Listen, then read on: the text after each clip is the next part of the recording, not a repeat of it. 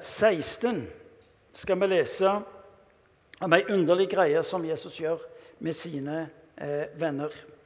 Jesus har nemlig en uformell spørreundersøkelse om seg sjøl.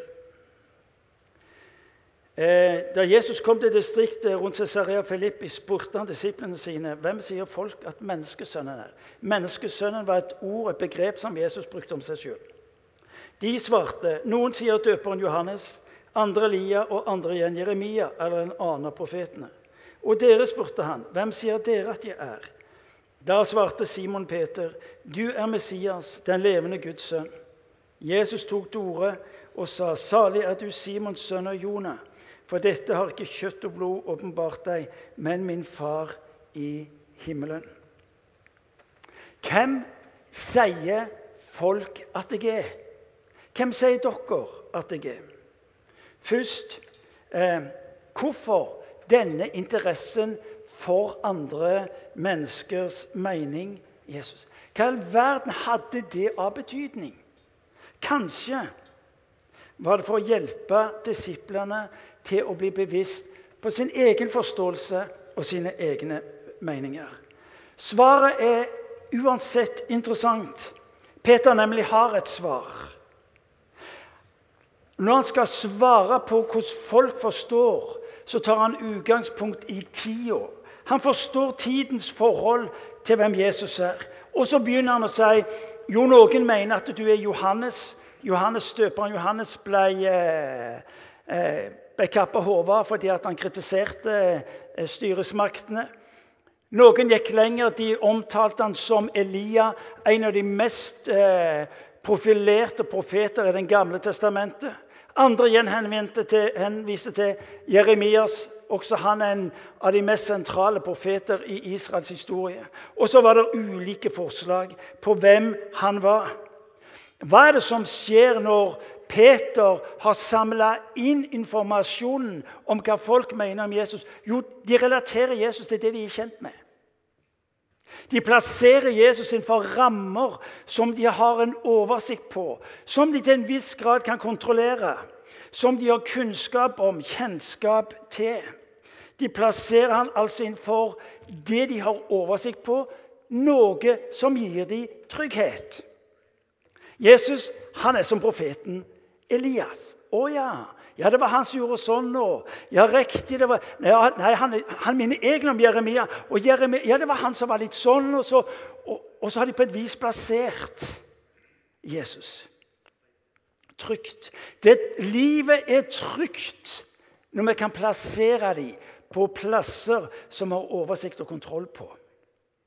Vi elsker tryggheten, de fleste i hvert fall. Tenk den samme spørreundersøkelsen i Norge i dag. Hvem sier dere at Jesus er?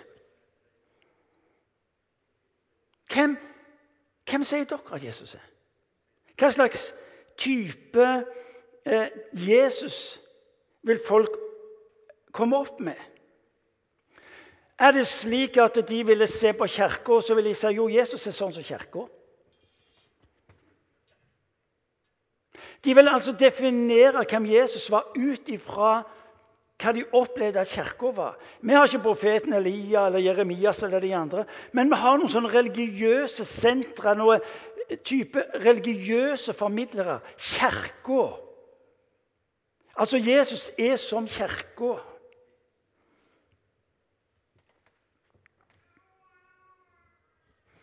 Referansen som folk har til Gud i Norge i dag, er kirka. Altså, De ville definere hvem Jesus var ut ifra det de møtte og møter i kirka.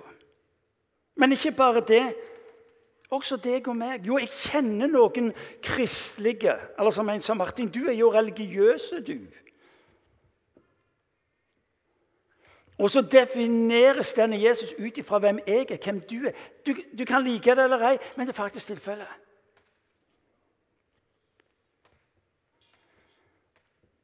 Jesus defineres ut fra hvem hans etterfølgere er. La oss gå litt videre på dette, fordi det skal få lov til å utfordre oss litt. Én ting er å spørre folk som er utenfor kirka, men det er et faktum at folk som er innenfor kirka, er også usikre på hvem denne Jesus er.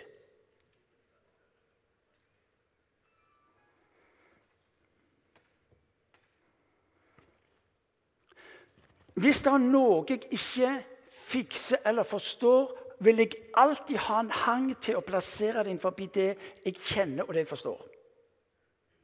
Jeg vil alltid søke å tolke det innenfor de rammene som jeg er trygg på. Denne min utfordring er at vi ser ikke tingene som de er, men vi ser tingene som du og meg er. Det er vanvittig forskjell.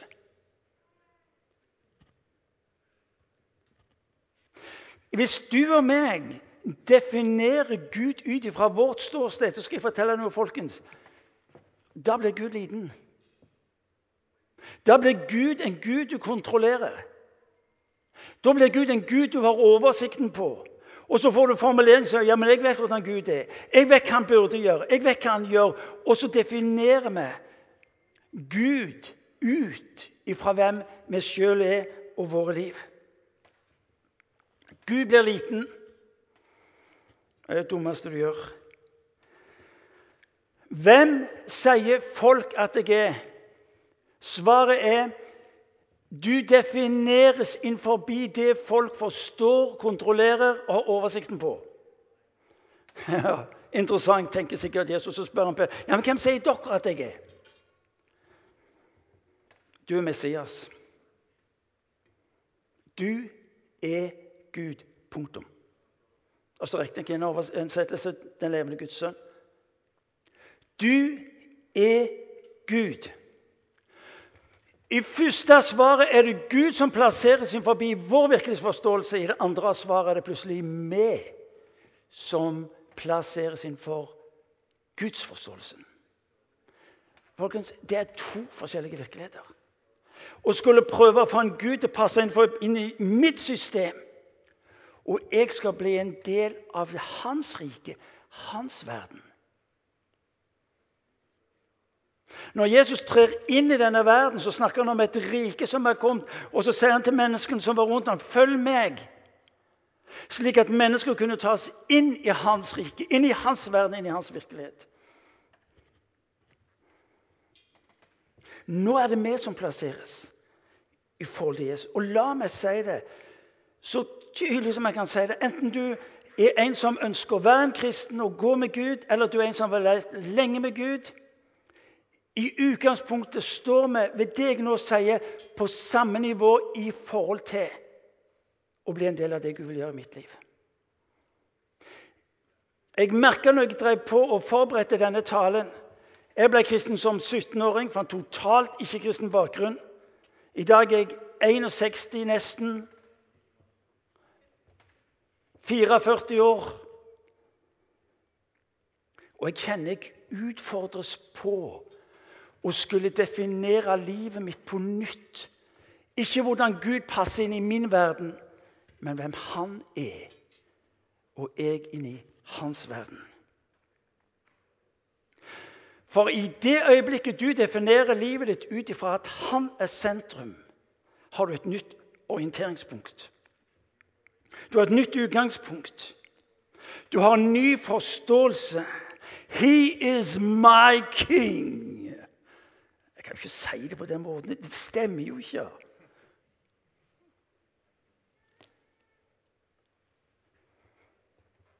I det øyeblikket han blir utgangspunktet, vil du se nye ting, andre ting, og du vil se tingene annerledes.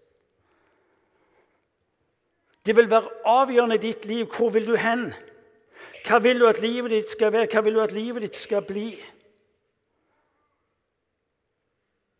Spørsmålet blir ikke hva du gjorde med livet ditt eller fikk ut av livet ditt, men hva gjorde du med det som du fikk fra han for livet ditt? Hva er da for noe egentlig? Dåp er å bli en del av det Gud gjør. Jo, det som er så fenomenalt med dåp Det er noe langt mer registrering av et navn. Dåp er relasjon. Dåp er å bli en del av det som Gud gjør inn i denne verden. Dåp er Gud.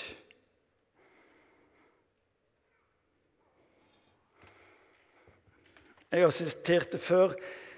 Eh, han, eh, en av disse eh, French, en av de som sitter fremdeles i arrest i Kongo, Det sto en overskrift hvor det sto 'Jeg fant Gud'. står der. Altså sier han, Egentlig er det helt feil. Jeg fant ikke Gud, det var Gud som fant meg. Det var Gud som fant meg.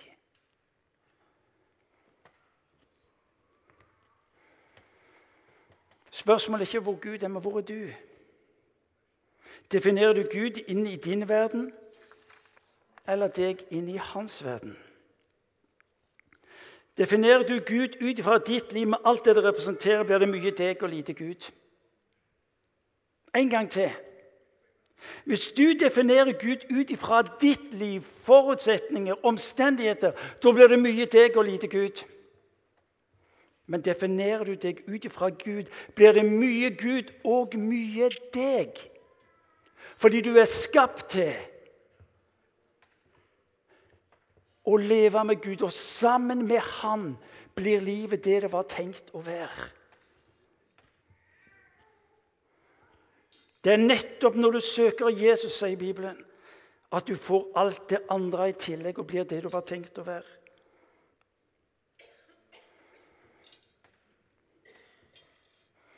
Jeg syns det er fascinerende.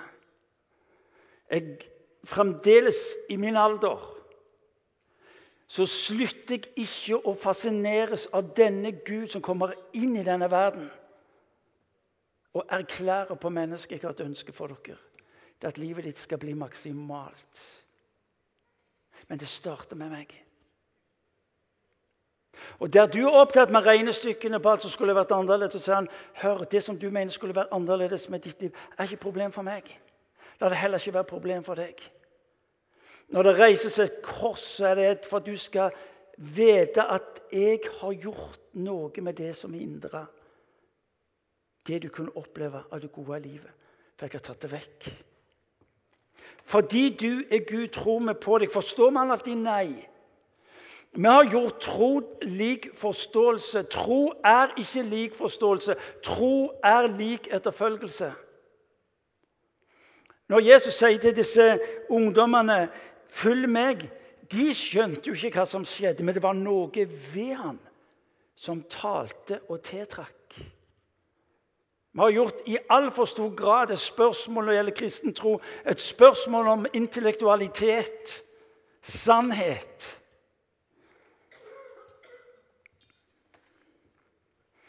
I jødisk tenkning er tro å følge, etterfølge, leve sammen med, gjøre sammen med relasjon. Jeg er veien, sannheten og livet. Ingen kommer til Faderen. Jesus er opptatt med en forbindelse ikke en intellektuell erkjennelse.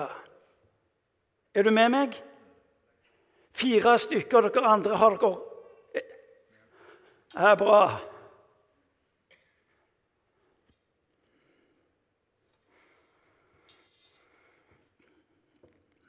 Dine rammer blir for små. Ja, han, han, er, han, er, han er så, sånn, som, sånn som Elias, profeten. Han er sånn som Johan. Nei.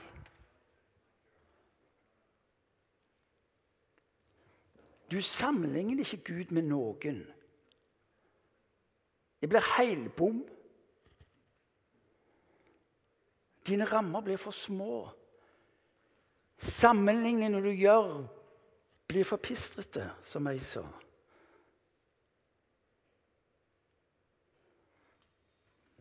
I høst, dvs. Si høsten 11 så starta vi semester med å snakke om bilder, nye bilder om Jesus. Vi er nå på slutten av hele denne serien som vi har hatt nå snart et år. Bilder av Jesus. Hva er ditt bilde av Jesus? Hva sier du om hvem Jesus er? Det interessante er at når du får nye bilder, så er det følger for måten du ser på, og måten du handler på. I det øyeblikket du skjønner Gud er Gud og vil være Gud i ditt liv, så ser du annerledes og du vil handle annerledes. I andre kongebok så står det en uhyre interessant beretning. Andre kongebok er i Gammeltestamentet, første del i Bibelen. og Der står det en uhyre interessant beretning. Dere skal få tre beretninger som jeg syns hjelper oss til å forstå dette her. Eh, skal vi se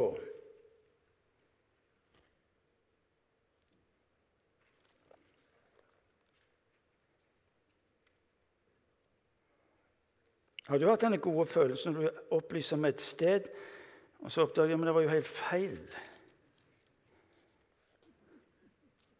Det skjer av og til.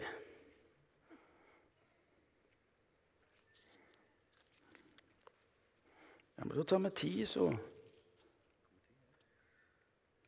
Der er det, vet du. Det var akkurat det jeg trodde det skulle være.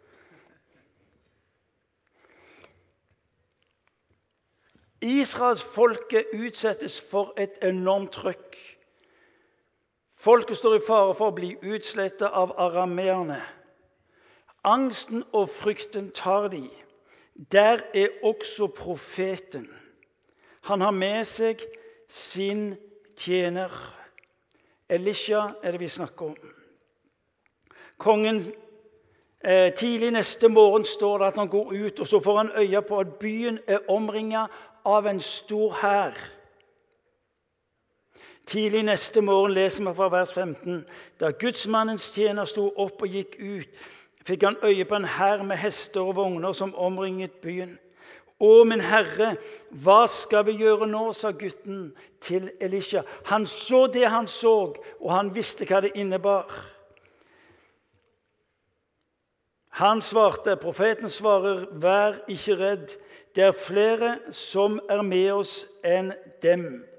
Så ba Elisha og sa, 'Å Herre, lukk opp øynene så han kan se.'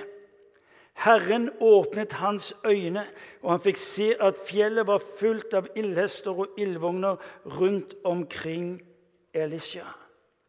Du ser tingene annerledes når du våger å gjøre Gud til utgangspunktet for det som er din livssituasjon. Jeg har levd som en Kristus-etterfølger i 44 år. Og jeg kan fortelle deg det er ikke få ganger hvor jeg så det som var umulig, for å så oppleve at Gud ga meg å se tingene annerledes. David og Goliat, du kjenner beretningen. De andre så en kjempe. Gigantisk. De visste hva de så. De visste hva følgene ville bli hvis de skulle konfrontere, gjøre noe i forhold til ham. David var også til stede. Men David hadde gjort Gud til utgangspunkt for sin forståelse av det som skjedde rundt ham. Mens de øvrige i Israel så Goliat som et fjell så David en kjempe det var umulig å bomme på. Og så husker dere beretningen om at han kasta slyngen og tok livet av. Hva er det du ser? Vet du hva?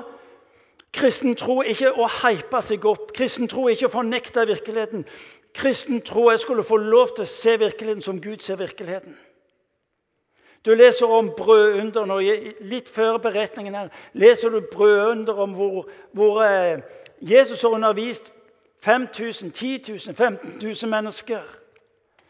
Jesus sier til dem ok, gutter, nå er det på tide å gi dem litt mat. Og Disiplene prøver å hjelpe Jesus til å forstå hva som er virkeligheten. Og Jesus sier dere gir dem mat. Ja, men butikken er stengt. Rema er closed. Det går ikke. Ja, få tak i det dere har, da. Og kommer de med litt brød og litt fisk, og så sier de 'Hva er dette?' Det Som de ser som de er vant med å se. Og ut ifra det de er vant med å se, handler det jo òg Vet du hva? Det har noe med Hvor er Gud i den verdenen?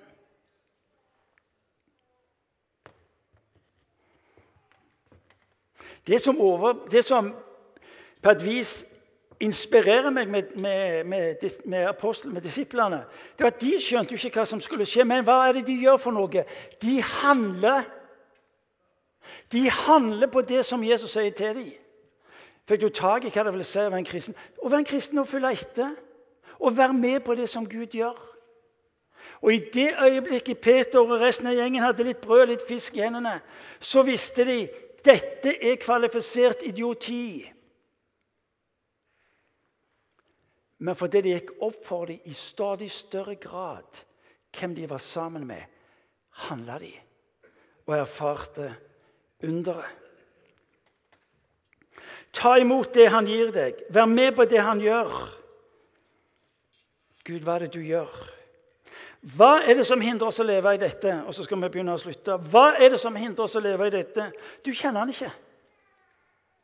Enten du er kav hedning og ikke har noen ting med Jesus å gjøre, eller du har vært en Jesus-etterfølger i mange år. Kjenner han ikke. Jeg vet hvem han er som en type sannhet, som en intellektuell greie.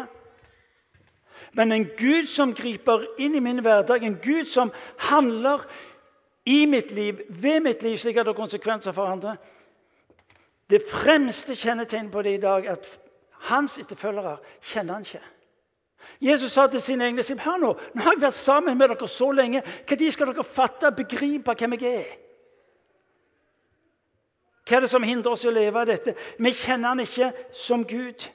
Det andre er at vi gjør ikke som han sier. Hør nå, sier han. Nå må det bli noe med dere.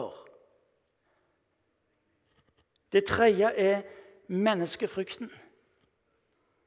Vi er mer redd mennesker enn Gud, og så brenner vi inne med det han har gitt oss. Hør nå. Hvem sier folk at jeg er? Hvem sier du at jeg er? Det andre sa jeg gjør ikke som han sier. Og det tredje er frykten. Frykten for hva andre sier. Nå skal du høre, Da blir det meste smått med å være en kristen. Jo vi har trygghet på at han er nær oss. Vi har trygghet på at han holder sin hånd over oss. Han ønsker ikke primært å være en trygghetsfaktor i vårt liv. Han ønsker primært at du og meg skal henge med han for å motta livet som han gir, og som han representerer inn i ditt og mitt liv. For om du ikke kjenner han, vil du sammenligne han med det du kjenner, har oversikt og kontroll på. Da er det vanskeligheten som definerer Gud. Da er det bekymringene, lidelsene. Da er det det som blir det store og umulige etter hvert som du sammenligner det med.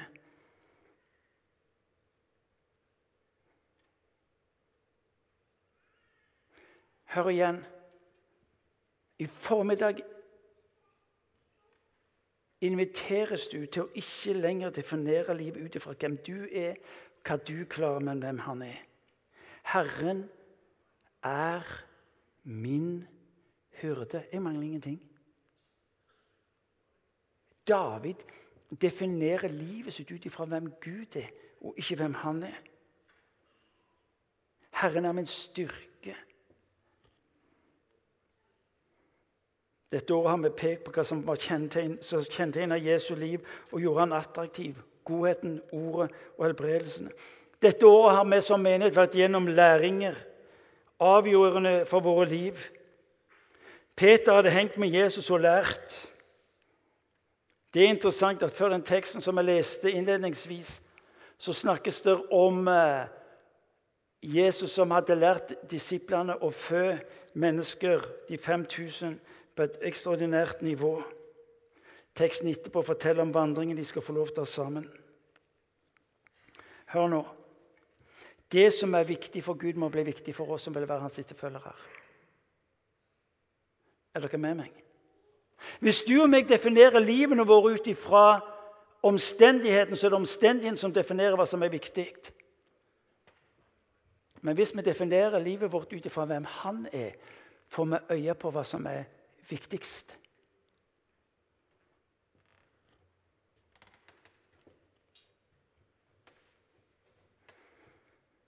Tre ting. Kjennetegnet på Jesus var hans godhet. Disiplene hengte med Jesus og praktiserte godhet. Det ble sagt om de første kristne de hadde yndest eller godhet hos hele folket, for det var noe med dem som hadde betydning i livene deres. Godhetsfestivalen er ikke forbi. Den er starten. Mennesker overveldes. Jeg fikk en SMS. Skal vi se vi var ute hos eh, et menneske som bor i Stavanger. Etter to dager så sender hun meg denne SMS-en. Kjære Martin og disipler. Jeg likte spesielt det siste og disipler. Se, alt blir nytt helt fint og flott utenfor huset mitt. Dette multipliserer mange ganger mine forestillinger om hva dere kunne og ville utrette. Jeg er overveldet og inderlig glad. Hør, dette er en ny start på en god fortsettelse, og jeg kan trøstig se framover.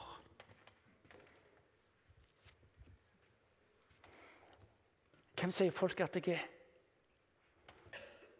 Multiplisere det mange ganger.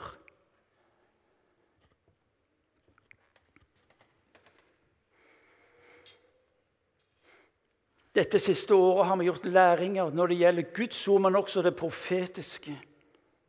Mennesker kom på helbredelsesrommet. Inn i livene deres lyder ord fra Gud, konkret, spontant, som forvandler. Her en dag er det ei ung kvinne som fra av, en av medlemmene i min kirke får et profetisk ord som snur opp og ned på livet, og som fører til at mennesker jeg, jeg, jeg må lære denne Gud å kjenne og komme til å tro på Jesus. Kan jeg få lov til å invitere deg ut for deg som vil være en Jesus-etterfølger? Godhet. Dere har hørt det mange ganger før. Godhet er noe langt mer enn såkalt kapital av en eller annen karakter flyttes fra deg til et annet menneske. Godhet er godt å erfare. Hør nå godt etter. Godhet er godt å erfare, men den forvandler den som gjør det. Den forvandler den som gjør det. Ordet Når du går på jobb, enten i kveld eller i morgen eller uka, så kommer så spør Gud hva slags ord har du for dette mennesket som kan forvandle. Sterk på helbredelse har vi fokusert det siste året.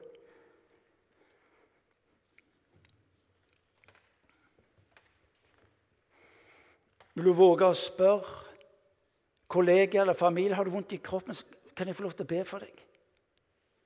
Og Hvis du ikke kan det, så kom på Jimmy, så kan de som holder på med det, lære deg. Det er et faktum at alt det du og vi kan gjøre sammen med Gud, må vi lære. Når du våger å leve i det og leve det ut, så har det betydning. Ofte så ble det de dårlige erfaringene som former vår teologi. Problemene som former de vårt bilde av Gud. Sier, Jesus sier til Peter, 'Peter, hvem sier du jeg er?' Ikke som en spørreundersøkelse, men som hjelp til å forstå hvem Jesus virkelig er.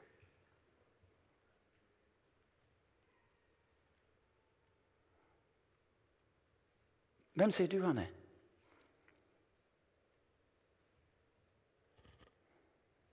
Vet du hvorfor det er så viktig? Fordi at menneskene rundt deg og meg de har ikke sagt nei til Gud.